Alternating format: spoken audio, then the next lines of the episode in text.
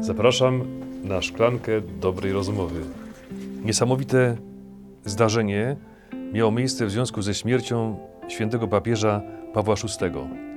Otóż 6 sierpnia 1978 roku w jego apartamencie w Castel Gandolfo, dokładnie w tej sekundzie, kiedy umierał, a była to godzina 21.40, nagle odezwał się stary budzik. Kardynał Villot, który był przy śmierci, chciał go wyłączyć, ale podbiegł szybko sekretarz Ojca Świętego i mówi: Nie, to jest niesamowite, niech ten budzik dzwoni. Co się okazało? Kiedy rano sekretarz nakręcał budzik, nieopatrznie poruszył tą, y, to pokrętło, które nastawia czas i przesunęło się na wieczór. Nie wiedział, że przesuwa dokładnie na tę godzinę, tę sekundę, w której papież będzie umierał. Jeszcze jedna rzecz, to nie był zwyczajny budzik. Ten budzik papież Paweł VI otrzymał od swojej mamy w 1923 roku, kiedy wybierał się do pracy w nuncjaturze w Warszawie, w Polsce.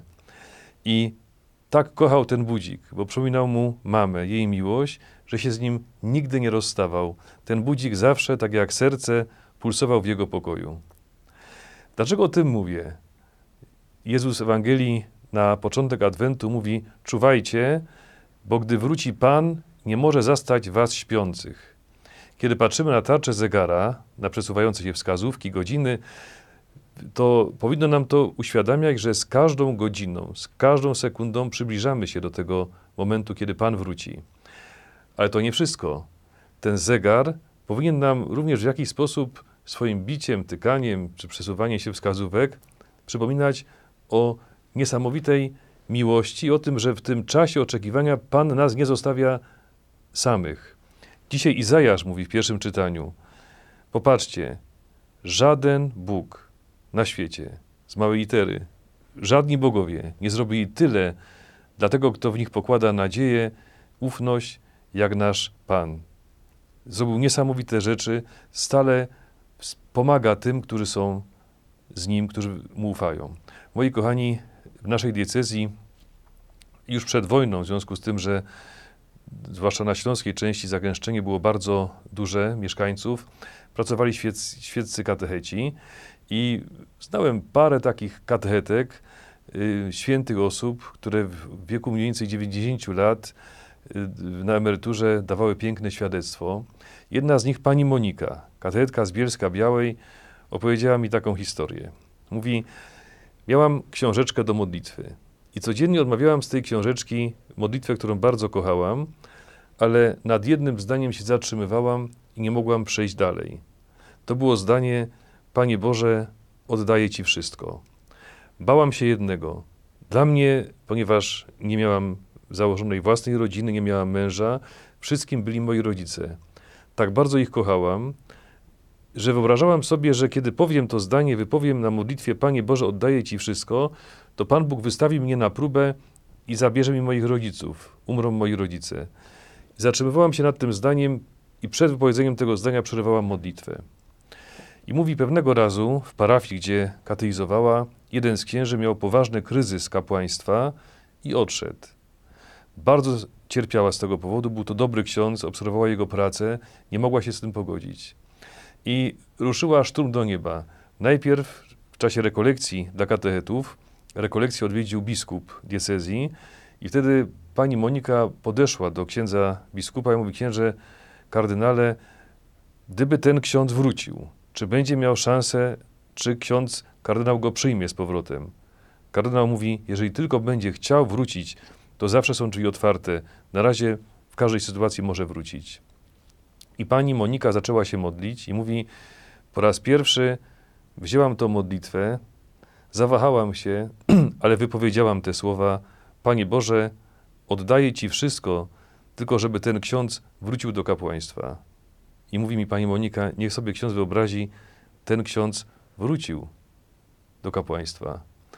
Ale jeszcze jedna rzecz. Pan Bóg mi nie zabrał rodziców. I mówi, do późnej starości, mojej starości, musiałam się nimi opiekować. Leżeli już potem obłożnie chorzy. Dla mnie to było no, bardzo trudne, bo tu praca katechetyczna, to wtedy jeszcze w salkach, więc późno wracałam. Pielęgnacja rodziców i Pan Bóg mi dał tych rodziców, do mojej późnej starości mi towarzyszyli. Nie zabrał mi rodziców. I mówi, proszę księdza, pani Monika mówi, Pan Bóg jest dobry.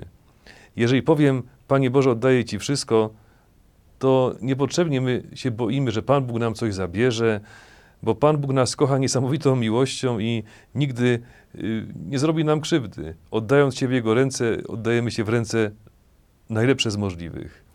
Moi kochani, zegar przypomina nam o tym, że czas biegnie, przyjście Pana jest bliskie, ale mówi swoim tykaniem, przesuwaniem wskazówek również o Jego miłości. Tak jak ten zegar Pawła VI mówił o miłości Jego mamy do Niego, odezwał się w godzinę śmierci i to był też bardzo wymowny znak. Bardzo się cieszę z tego, że te nasze zegary cieszą się takim powodzeniem. Już 100 osób ma ten zegar u siebie. Właśnie no, to jest niesamowite, że ten zegar bardzo pasuje do dzisiejszej Ewangelii, bo z jednej strony wskazówka, która się tak miarowo, spokojnie przesuwa, mówi nam, że czas ucieka, ale z drugiej strony, kiedy tylko spojrzymy na ten zegar, przeczytamy to zdanie: Opatrzność Boża przychodzi zawsze na czas. W każdej sekundzie, w każdej minucie naszego życia towarzyszy nam Boża opieka. Moi kochani, również święty Paweł w liście do Koryntian dzisiaj mówi: Popatrzcie, w oczekiwaniu na przyjście Pana nie zabraknie Wam żadnej łaski. Wszystkie łaski, jakich potrzebujecie, Pan Wam da, wszystkie łaski bez wyjątku. Ufność w Bożą opatrzność, w to, że ona zawsze jest na czas, działa niesamowicie. To jest niesamowita siła w życiu i, i to się sprawdza. Moi kochani, Gabriel Garcia Marquez, autor najbardziej znanej swojej powieści 100 lat samotności, fajna rzecz, taka troszkę zwariowana, ale warto przeczytać. Tam są bardzo głębokie myśli, może kiedyś do tego wrócimy. Miał matkę. Oprócz niego ta mama miała jeszcze je 11 dzieci. W sumie mama miała 12 dzieci i y, bardzo się za nich modliła. Zwłaszcza kiedy któreś z tych dzieci, już potem dorosłych, podróżowało samolotem, ona zawsze zapalała świecę i modliła się o szczęśliwy powrót. Tak to się niektórzy śmieją, żeby ilość startów była równa ilości lądowań. I pewnego razu jeden z jej synów, który pracował na budowie, kierował takim dużym buldożerem, wjechał do rowu. I dzwoni do mamy, mówi: Mamo, jestem w rowie. Wpadłem buldożerem do rowu, małe zamieszanie. Mama mówi: Nie bój się, synu. Zaraz zapalam świecę i modlę się, żeby cię wyciągnęli z tego rowu. Mamo, przestań. Przecież twoja modlitwa mnie z rowu nie wyciągnie. A matka na to: Co ty opowiadasz? Skoro moja modlitwa utrzymuje samoloty w powietrzu, to wyciągnie cię z rowu. I rzeczywiście za chwilę był wyciągnięty z rowu. Moi kochani, nie, nie martwmy się. Adwent to czas, kiedy uświadamiamy sobie, że Pan jest blisko, że z każdą minutą zbliża się Jego przyjście, ale to również czas, który mówi, że w każdej sekundzie, w każdej minucie życia towarzyszy nam Jego obecność, bo On tu, teraz do nas przychodzi, jest z nami we wszystkim, co przeżywamy. Opatrzność Boża jest najpunktualniejsza na świecie. Ona się nigdy nie spóźnia, zawsze przychodzi na czas. I takie małe postscriptum. Papież Paweł VI umiera o 21.40. Pamiętamy dobrze godzinę śmierci świętego Jana Pawła II, 21.37. To jest niesamowite, to mi się od razu skojarzyło. Nie wiem, czy macie coś takiego, ja mam bardzo często, że kiedy patrzę na zegarek, mówię, ojej, 21.37. Tak jakby ktoś chciał mi o czymś przypomnieć. Jeśli ktoś jest zainteresowany tym zegarem i zastanawia się, jakby go zdobyć, to w opisie filmu jest podane. Także tutaj jest wskazówka, jak to można przeprowadzić. Myślę, że warto mieć taki zegar, bo po pierwsze, to jest wsparcie szkół katolickich, a po drugie, jeśli na przykład mamy ten zegar u siebie, czy damy go komuś pod choinkę, będzie taka osoba sobie stale przypominać, że we wszystkich sytuacjach życia towarzyszy nam Boża opatrzność. Pan z wami. Niech was błogosławi Bóg Wszechmogący, Ojciec i Syn i Duch Święty. Chcę się jeszcze czymś pochwalić. Otóż zostałem ostatnio zaproszony do rozmowy na jeszcze jednym kanale YouTube'owym, który prowadzi nasza diecezja, Kościół grecko-rzymskim świecie. Ponieważ jestem też z wykształcenia pedagogiem, y, historykiem wychowania, poprosili mnie ksiądz Kamil Żółtaszek y, z panem Bartoszem, y, z historykiem starożytności, bym wziął udział w dyskusji na temat wychowania w starożytności. Nie wiedziałem, że będzie taka fajna przygoda. Owoc tego można obejrzeć. Y, Myślę, że warto przenieść się nie tylko do starożytności, ale w tym programie jest również mowa o wnioskach wychowawczych dla nas tu i teraz. I serdecznie zapraszam, żeby zobaczyć, jaki był owoc tej naszej wymiany zdań w studio programu Kościół grecko-rzymskim świecie. Zapraszam. Zapraszam na Kościół w grecko-rzymskim świecie. gdzie usłyszycie o edukacji i wychowaniu w antyku. Już przyszły piątek. Ten odcinek pojawi się w piątek 30 listopada. Również jeśli ktoś jest zainteresowany szklankami dobrej rozmowy, to tutaj w opisie filmu jest podane, jak można je zdobyć.